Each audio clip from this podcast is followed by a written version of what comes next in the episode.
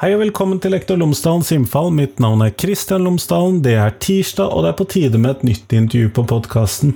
Denne gangen snakker jeg med Gøril Varvik Wedler fra Oslo OsloMet om skole- og hjem-samarbeid. Og dette er rett og slett skole- og hjem-samarbeid i videregående skole. Og da kan man jo kanskje tenke seg Fins det skole-hjem-samarbeid i videregående skole? Ja, det gjør faktisk det! Men hvordan skal det se ut? Hvordan skal det praktiseres? Hvordan får vi best mulig resultater ut av det? Det er temaene jeg snakker med Gøril Varvik Vedler om i dag, og hun jobber som sagt ved Oslo OsloMet. Ellers, podkasten Lektor Lomsdalens innfall er sponset av Fagbokforlaget. Og visste du at Fagbokforlaget akkurat har gitt ut en ny metodebok om forskningsoversikter? Og når du skal skrive en bacheloroppgave eller en masteroppgave, det har jeg gjort noen ganger, kanskje til og med en doktorgradsavhandling, så sitter du der med utrolig mye informasjon, og så skal du finne ut hva som er viktig for deg. For det er jo ikke alt som er viktig, og så kan det være noe som er viktigere enn andre ting. Og da trenger du kanskje denne boka. Boka heter Forskningsoversikter i utdanningsvitenskap og de anbefaler den til alle studenter på lærerutdanningene og innenfor andre pedagogiske fag. Men nå, nå får du Gøril, vær så god!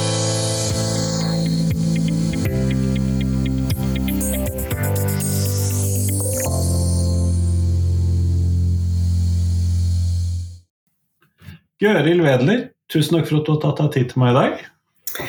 Takk for invitasjonen. Før vi kommer helt i gang med selve intervjuet, så hadde jeg håpet at du kunne fortelle lytterne mine tre ting om deg selv, sånn at de kan få bli litt bedre kjent med deg. Mm. Ja, jeg er pedagog. Eh, og så eh, har jeg jobba ved Universitetet i Tromsø i 20 år, men har nå flytta til Universitetet Oslo OsloMet og har jobba der i et halvt år. Så det er noe nytt og spennende. Eh, og så når jeg jobber på Universitetet i Tromsø, så jobber jeg ti år med barn og unges psykiske helse og tidlig foreldrestøtte som tema innenfor helse eh, primært. Og så de ti siste årene har jeg jobba med lærerutdanning og, og pedagogikk. da. Mm. Så du kommer til dette her med litt sånn blandede perspektiver, det vi skal snakke om i dag, altså? Absolutt. Absolutt. Mm. For det vi skal snakke om i dag, det er jo skole-hjem-samarbeid i videregående skole. Og da vil jeg bare starte med å si det som jeg tror er mitt utgangspunkt der, at uh, er ikke det litt lite av det? ja, altså det, det, er nok det. Uh, det er både lite og kanskje litt uklart hva det er, da. Uh, men det er allikevel noe vi, vi, vi, skal gjøre, og som mange er involvert i. Eh, og som mange har vært involvert i. Sånn at eh, ja, enten som forelder eller som elev eller som lærer, eh, så, så er det jo forventninger knytta til, til, et visst samarbeid. Og det gjelder jo videregående skole på lik linje som med grunnskolen. Så, ja. Men at det er litt mer uklart i videregående, det stemmer nok. Mm. Men når vi ser for oss hvordan et sånt foreldre-hjem-samarbeid kan være for videregående skole, hva tenker du er eh, hovedfordelene med at vi klarer å opprettholde et godt foreldre-hjem-samarbeid også på videregående? Mm. Altså det er nok eh, litt annerledes enn for, for, grunnskolen, naturlig nok, siden elevene eh, er blitt eldre. Eh, og at eh, rammen rundt eh, forandrer seg litt fra grunnskolen til, til, videregående skole. Men, men det jeg har vært litt opptatt av, det er jo vært å prøve å forstå hvorfor skal man samarbeide med, på videregående skole, og, og, hva er det elevene egentlig trenger. Altså hvorfor trenger elevene at samarbeidet skal fortsette på videregående. Så ehm, ja. Og der, det, der, ligger det nok en del å hente, vil jeg tro, eh, for elevene. Men, eh, og dette er jo litt av det som jeg tenker er kanskje en problemstilling her. Det at elevene på mange måter skal være selvstendige i en helt annen mm. grad enn det de skal være i grunnskolen. Mm. Ja, og det, og det, er klart at eh, selvstendighet er jo et nøkkelord her. Eh, og det er jo også eh, spesielt, eller særskilt eh, faktisk, i den liksom, nordiske konteksten. Altså Vi er jo veldig opptatt av at uh, ungdom skal bli selvstendige, og det er eh, i seg selv et mål for, for, samarbeidet også. Så klart at det her samarbeidet og rammen for det skal jo eh, sånn sett, og bør, eh, handle om at ungdom skal få lov å bli voksen i det samarbeidet. Eh, og at eh, eh, det er det som er på en måte målet og hensikten med samarbeidet. Så, så, det er jo litt av utfordringa, og det, det, er kanskje det jeg syns vi har, kanskje har snakka litt, litt, for lite om. Altså Hvis skole-hjem-samarbeid snakkes om mer sånn instrumentelt, eh, eh, har vi gjennomført det som er minstekravene? Er det gjennomført utviklingssamtaler? Er det gjennomført foreldremøter? Er det altså de tingene vi må gjøre? Eh, og så vi, har vi kanskje snakka litt for lite om hensikten, eh, som kanskje ville ha eh, ved å gjøre det kanskje også vil eh, endre praksisen eh, noe. Eh, ja. Så, så det med selvstendighet er et, et, nøkkelord, rett og slett, i hvordan skal man samarbeide. Men hvis vi da skal prøve å definere denne selvstendigheten som vi da skal bygge mm. opp under her, er det noen aspekter ved det du ville trekke frem? Mm. Eh, ja, altså, og, det er jo kjempeviktig at vi eh, i, altså generelt i skolen, ikke bare når det gjelder skole-hjem-samarbeid, men at vi faktisk har et bevisst forhold til hva vi mener med selvstendighet. Um, og vi snakker jo om mange ting i den nordiske og den norske skolekonteksten som, som tangerer det. Eh, danning er jo et sånt type begrep som jeg syns er, er, veldig viktig i forhold til til det. Ikke sant at uh, Det å bli, bli, gradvis mer selvstendig, det å bli gradvis mer voksen, handler jo om uh, å bli mer selvstendig i tanke og handling. Uh, så det å utvikle dømmekraft, det å utvikle ansvarlighet, blir veldig viktig i, i den prosessen, da. Altså det skal bli fornuftige, selvstendige voksne mennesker til slutt. Eh, sånn at eh, Eh, den der selvstendigheten er veldig viktig. Og, og, et annet begrep vi bruker, er jo også det her med autonomi. Altså hva vil det si å, å fungere autonomt? Eh, og der har jeg møtt gjennom en, en del av den forskninga jeg har gjort, en, en, en forståelse som jeg, som jeg også syns er viktig at vi snakker om. Betyr autonomi eh, at du, du, klarer deg uten foreldrene dine, eller betyr autonomi at du, du gradvis blir mer selvstendig, men kan ha støtte eh, i foreldre og i lærere og i eh, familie for øvrig og venner. Og, altså Autonomi betyr nødvendigvis ikke i seg sjøl at du skal være alene. Sånn at, eh, men, men det har jeg har jeg egentlig møtt litt i diskusjoner om skole-hjem-samarbeid, at nå er de så store at nå må, må, de eh, klare seg litt eh, på egen hånd. Og, og, spørsmålet er jo hva som ligger i, i det. Eh, om det kan gi rom for, for en nær relasjon til foreldre, eller, ja, og på hvilken måte skal, skal, skolen forholde seg til den relasjonen mellom ungdommen og, og foreldrene i prosessen med å bli selvstendig. Så det er kjempeviktig, eh, spesielt på videregående, å, å, snakke mye om det, og ikke på en måte skyve foreldre unna eller eh, unngå skole-hjem-samarbeidet på en måte ved å stille seg bak eh, begrunnelsen om selvstendighet. Fordi at eh, ja, jeg tenker nå at eh, støtte trenger vi gjennom hele livet. Det har ingenting om du er 15 år eller 18 år eller 25 eller 60 for den saks skyld. Eh, I mange sammenhenger, så, så, eller i de fleste sammenhenger, så har vi alle godt av støtte. Eh, eh, ja, og en viss grad av samarbeid eh, rundt oss. Så eh, ja. Og her ligger jo kanskje kimen til en del mestringsopplevelser og eh, tapsopplevelser av mestring. Uh, dette knyttet til dette her med at en del av elevene i videregående er jo ganske klar til å være relativt selvstendig i mm. ganske stor grad og kan stå på egne ben i mange situasjoner, mens noen av elevene er nok ganske langt unna det og vil kanskje aldri stå på egne ben. Mm. Eh, så det vil jo kanskje kunne medføre at foreldre, elever, lærere vil føle på mestring eller tap av mestring knyttet til det. Mm. Ja, og hva som er behovene her vil jo være veldig, veldig ulikt. Eh, Eh, og i det tenker jeg også det er litt sånn utfordrende eller i, i videregående skole. For veldig ofte så vil jo f.eks. de fleste ungdommer at foreldrene skal bli litt mer usynlige, kanskje, i, i, videregående. Sånn at det vil jo stille krav til praksis her, at det handler nødvendigvis ikke om å invitere foreldrene inn i klasserom eller i, i, i den form for synlighet som vi har i grunnskolen. Men, eh, men uh, likevel så kan foreldre bidra med mye god støtte uh, både hjemmefra og på måter som er ganske usynlige i skolen, men som er, er, veldig viktig for, for, elevene. Og det er klart at for at foreldre skal kunne um, gjøre det, så krever det jo at skolen har en idé om hva som skal til for at foreldre kan støtte hjemmefra.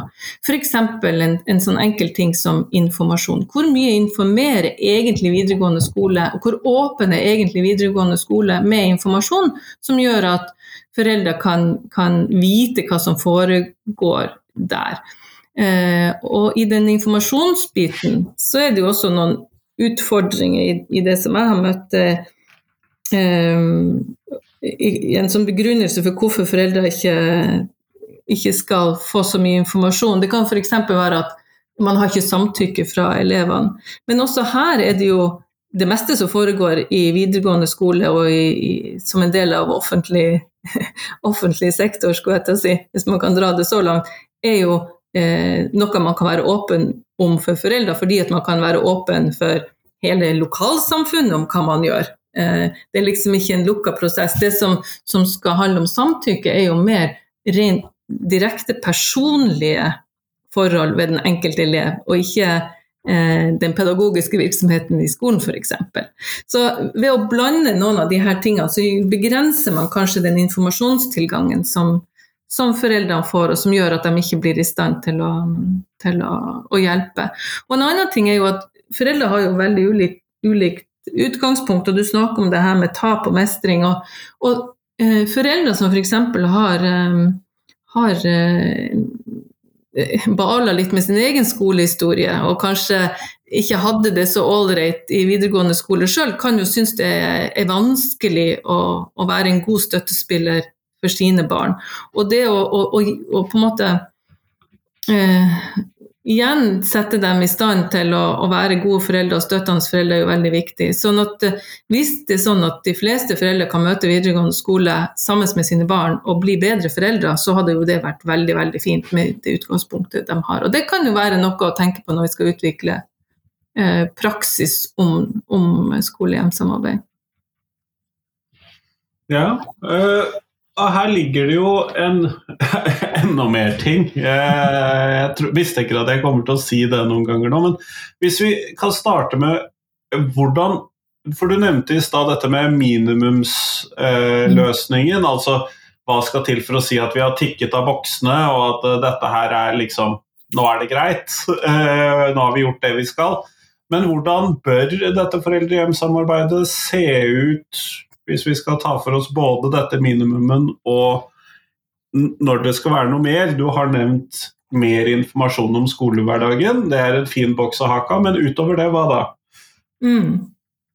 Ja, og det, akkurat det spørsmålet syns jeg nødvendigvis ikke er helt lett å, å svare på. Og og jeg, tenker at videregående skole har en lang vei å gå i å prøve ut ulike praksisformer og prøve ut ulike måter å jobbe på for å se, se om det kan på en måte bidra positivt eh, i forhold til den jobben som foreldre skal gjøre òg. Eh, sånn at det er, ikke, det er, ikke, bare lett. Men det er klart det er noen minimums Eh, som er beskrevet i opplæringsloven og i forskriften til opplæringsloven. At, at, man skal ha kontakt med, med foreldrene eh, gjennom hele skoleåret til eleven er 18 år.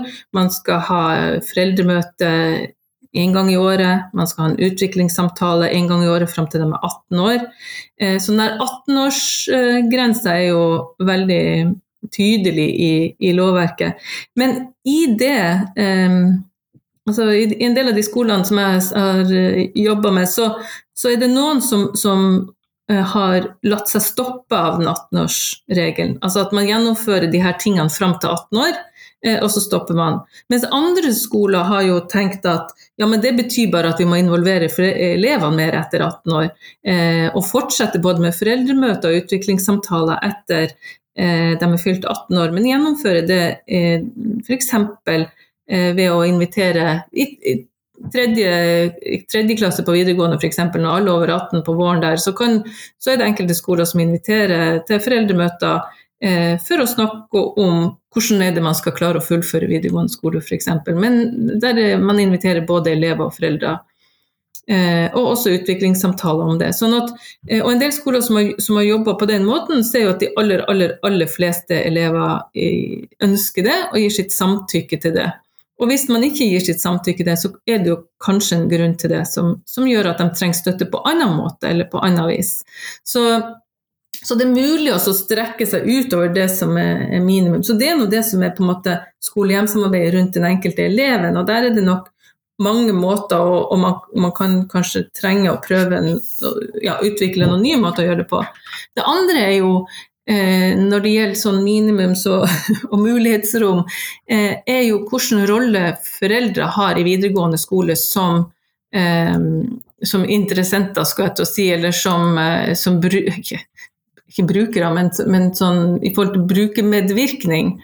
Så er det jo på, på grunnskolen så er det jo lovfesta det her med foreldreutvalg og eh, foreldre har representasjon i samarbeidsråd og, og, eller samarbeidsutvalg på skolene og, og, sånne typer organer. Mens på videregående så er det ikke lovfesta. Og det er sånn at eh, da har på en måte elevene overtatt de representasjonene som, som foreldregruppa hadde. Det betyr at videregående skole i mindre grad har foreldre involvert på systemnivå, eh, der, man, der, man, snakker om skoleutvikling og, eh, og ja, andre ting som er, som er viktig for, eh, for miljø, f.eks. Så på videregående skole så er det, er det stor variasjon på skolene om de Altså det er valgfritt om de skal organisere foreldrene eh, som gruppe. Um, og hvis man ikke organiserer foreldrene som gruppe og involverer dem Eh, til å, å, innhente innspill på, på, fra foreldrene, så blir den stemmen veldig usynlig. Og så er det sånn at den eneste formelle rollen sånn sett foreldrene har eh, i forhold til, til, til, skolen, er jo at man kan klage. Altså man, en, man får en sånn klagerolle som foreldre, og man kan klage til statsforvalteren eh, hvis eh, skolemiljøet f.eks. Eh, ikke er bra.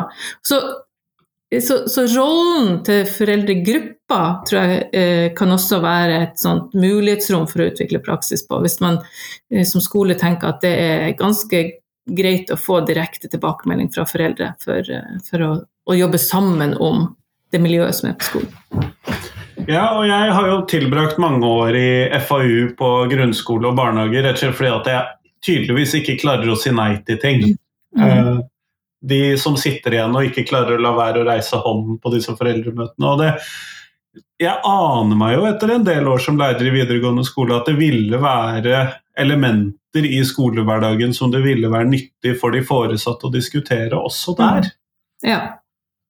Ja, det, altså En ting er liksom å diskutere den aktuelle skolen og hvordan det er å være på denne skolen, eh, og, eh, og eh, og kanskje få litt innspill om miljøet rundt skolen. Og kanskje foreldre fanger opp ting som er viktig, eller kanskje ved å, å jobbe tettere på foreldrene, så, så, vil skolen også få mer støtte av foreldrene i de tingene man ønsker å få til på skolen. Eh, men det er jo også sånn at eh, for en del foreldre som opplever enkeltepisoder, så kan et sånt eh, si, brukersystem eh, eh, og gjennom formelle brukerorganer kan man også fremme saker sånn at ting ikke altså, eskalerer, eller eh, hvis, eh, hvis, ting kan tas litt tidlig, så, så vil jo også eh, eh, både skolen kunne ta grep, og foreldre kunne jobbe mer aktivt med, med om det er enkeltepisoder eller det er miljøutfordringer, f.eks. Jeg har snakka med en del som jobber som eh, mobbeombud eller som elevombud eh, i fylket. Og det de synes, som jeg syns var interessant når, å, å, høre fra dem, det er jo den, den krafta som kommer når, når, ting er gått veldig galt. da.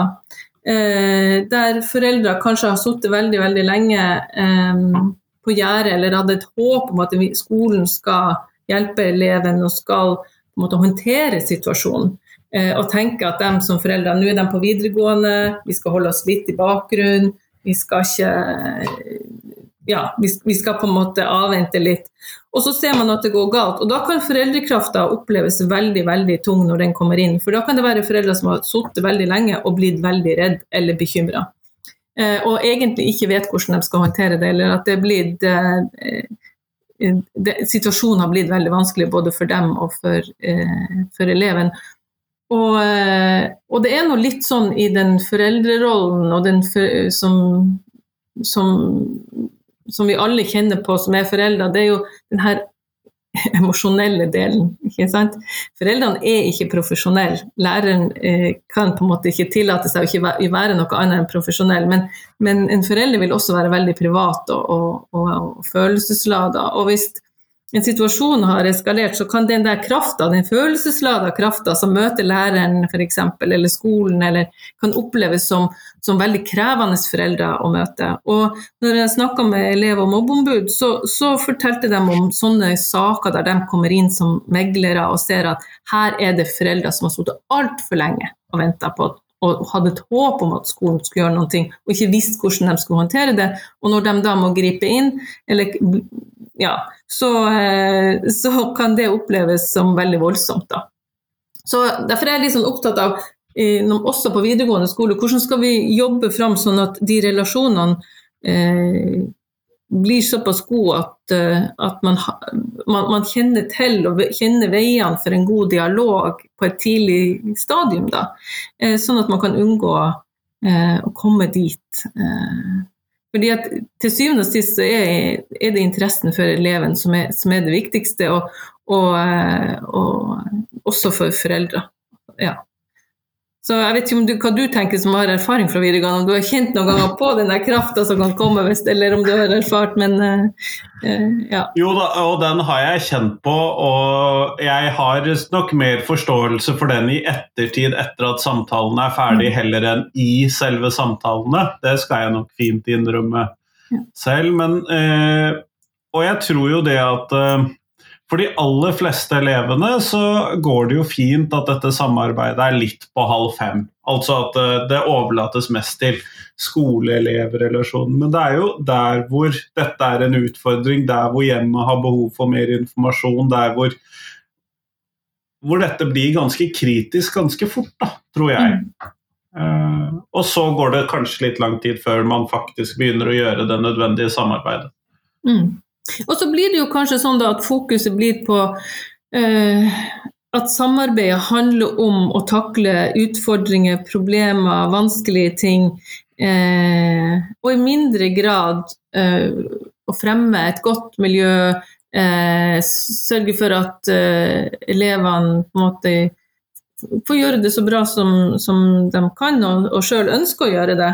Eh, sånn at vi, Man kan jo sånn sett etter hvert kommer til å måtte springe litt etter. ikke sant? Og slokke branner og, og, redde situasjoner og, og, ta tak i ting som, som igjen har eskalert litt. Så spørsmålet er jo liksom hvordan kan man få til et godt samarbeid sånn at det ikke er så problemorientert? At det får en sånn synlig slagside mot, mot um, utfordringen, eh, istedenfor å, å bygge på ressursene til elevene og det som er i nærmiljøet og i, i, i rammen rundt skolen. på en måte. Og da ville jo jevnlig informasjonsskriv i ulike former fra lærerne til en felles eh, e-postliste over foreldre foresatte i klassen, enten det er åpen informasjon eller lukket informasjon. For det mm. er en annen diskusjon. Eh, men det kunne jo da kanskje etablere en kontaktflate for de som var interessert i det. Mm, absolutt. Det, jeg tror jeg oppdaga litt av den informasjonsutfordringa uh, da uh, jeg var, var, så heldig å få være et uh, år i Australia, og da med hele familien, og hadde da med ei bl.a. ei datter som skulle gå på videregående i Australia. Og det er klart at da eh, oppdaga jo hva som var annerledes med å være forelder også i en annen kontekst, og får da et ganske godt blikk på hva er det som er typisk norsk, da. Eh, men eh, informasjon var en sånn ting. og eh, og det som var veldig tydelig i Australia, var at informasjon gikk til foreldrene. Eh, altså jeg fikk eh, først veldig mye informasjon om skolen som sådan, om skolen sitt pedagogiske arbeid. Eh, nesten ei sånn håndbok om, om eh, som beskrev eh, mange ting, inkludert de ulike fagene og, og, og aktivitetene som skulle foregå. Og så var det informasjon uh, ukentlig som var om, eh, igjen om faglig virksomhet som foregår på skolen, ting elevene blir involvert i, ting som har skjedd eh, av ymse slag. Og ja, jeg var jo så informert som jeg aldri har vært før. Eh, og da hadde jeg vært forelder i videregående ganske lenge med ei som var eldre òg. Så det slo meg at her er det, her er det, noe å hente. Og hva gjør det med samtalen hjemme når jeg vet alt, som, alt de her tingene her? ikke sant? Så, så skjer det jo noe med, med, med samtalen eh, rundt middagsbordet og hva man kan spørre om. sånn at eh, Det gjør noe med relasjonen mellom elev og forelder. Eh, ja. Det, så det var mange sånne type ting som, eh, som var en sånn øyeåpner. Eh, bare med å, på en måte oppleve det i en annen kultur. da. Ja, og dette er jo potensielt en eh, problemstilling knyttet til dette her, hva skal vi kalle det, situasjonsblindhet eller yrkesblindhet. fordi at jeg som lærer, eh, og min kone er også lærer, så hun har mm. ungdomsskolen, jeg har videregående. Eh, så når våre barn sier noe om hva som skjer på skolen, eller sier noe om fagene deres og sånn, så kan vi ofte læreplanen, vi vet settingen mm. det foregår i, vi kan forklare hvordan lærere potensielt har tenkt når de har gitt en tilbakemelding, og vi kan gjøre alle disse tingene. Men det krever jo at du har inngående skolekjennskap, da. Mm. Ja, og det er det jo da mange som ikke har. Og samtidig så er jo som foreldre så er vi jo påvirka av den tida og de trendene som er til enhver tid rundt oss. Og det er klart at eh, hvis skolen legger opp til et sterkt individfokus, at nå skal, eh, skal, dialogen med foreldrene være individuelt orientert, så, så responderer jo ofte foreldre på det. Eh, da er det det det handler om. Og hvis skolen eh, involverer foreldrene i noe mer kollektivt, så vil man jo det. Og det samme er jo trender i samfunnet. Altså hvis, hvis, det er prestasjonen til den enkelte som er viktig, eh, så forventer man jo i møte med skolen at man får snakke om den enkeltes prestasjon. Eh, så, så må, man, vi er jo på en måte ikke eh, Vi er veldig påvirka av de rammene vi har rundt oss, og den konteksten vi er i. Eh, og i Norge i dag så er jo både prestasjon og selvstendighet, de to tingene er jo veldig sentralt i, i vår kultur. Eh, og da blir det, blir det, fokus på det. Sånn at hvis man da sier at foreldre har altfor mye fokus på prestasjon ikke sant, og kommer inn og begynner å lure på hvordan karakterer settes, og, og så blir lærere kanskje litt provosert over at nå går de litt langt inn i interessen for, for hvordan det har skjedd, så kan det være at det er en, en, et svar på eller en respons på, på det som som egentlig vi forventer av foreldre i dag, at de skal følge opp sitt barn eh, ganske tett. Og Det er jo en del av den rådende politiske diskursen mm. om skolen, og handler jo mye om resultatene. sånn at eh, det er jo ikke noe annet å forvente, kanskje. Nei, ikke sant. Mm. Men kjempeflott, Gøril. Vi går mot slutten av dette intervjuet, og da tenkte jeg skulle stille deg det spørsmålet som jeg stiller alle jeg intervjuer for tiden. Og det er hvilken lærer har gjort størst inntrykk på deg, og hvorfor det? altså det, det, er mange lærere som har gjort inntrykk på meg på mange måter. Eh, så, eh, men siden vi snakker om videregående, så, så må jeg kanskje eh, trekke frem min lærer fra, ja, som jeg hadde i hvert fall to år på videregående. Det er jo en, et det er ganske vanlig at man skifter og har mange lærere på videregående. Men eh, der hadde vi en lærer som het Solbjørg, som var veldig eh, til stede i den klassen som, eh, som, jeg gikk i. Og den tilstedeværelsen og den, eh, den, omsorgen som hun utviste for den klassen, det tror jeg sitter i for resten av, eh, av livet, eh, rett og slett.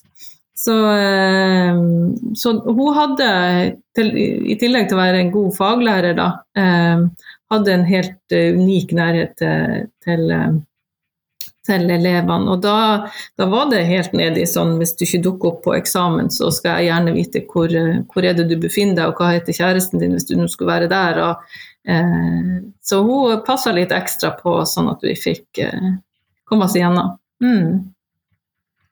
Kjempeflott. Tusen takk for at du tok deg tid til meg i dag, Gøril. Bare hyggelig. Det er jo favorittema, er det ikke det?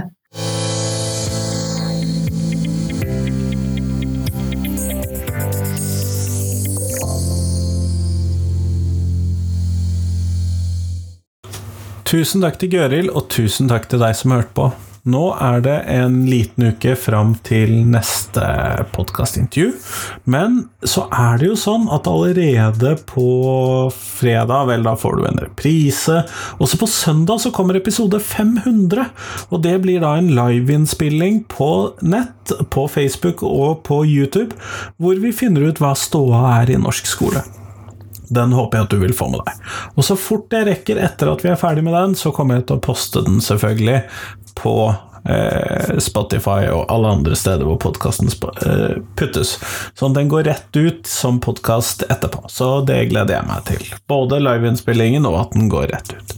Men det er på søndag 14. mai, så håper jeg at du får med deg det. Men nå, nå får du ha en fin uke. Hei, hei.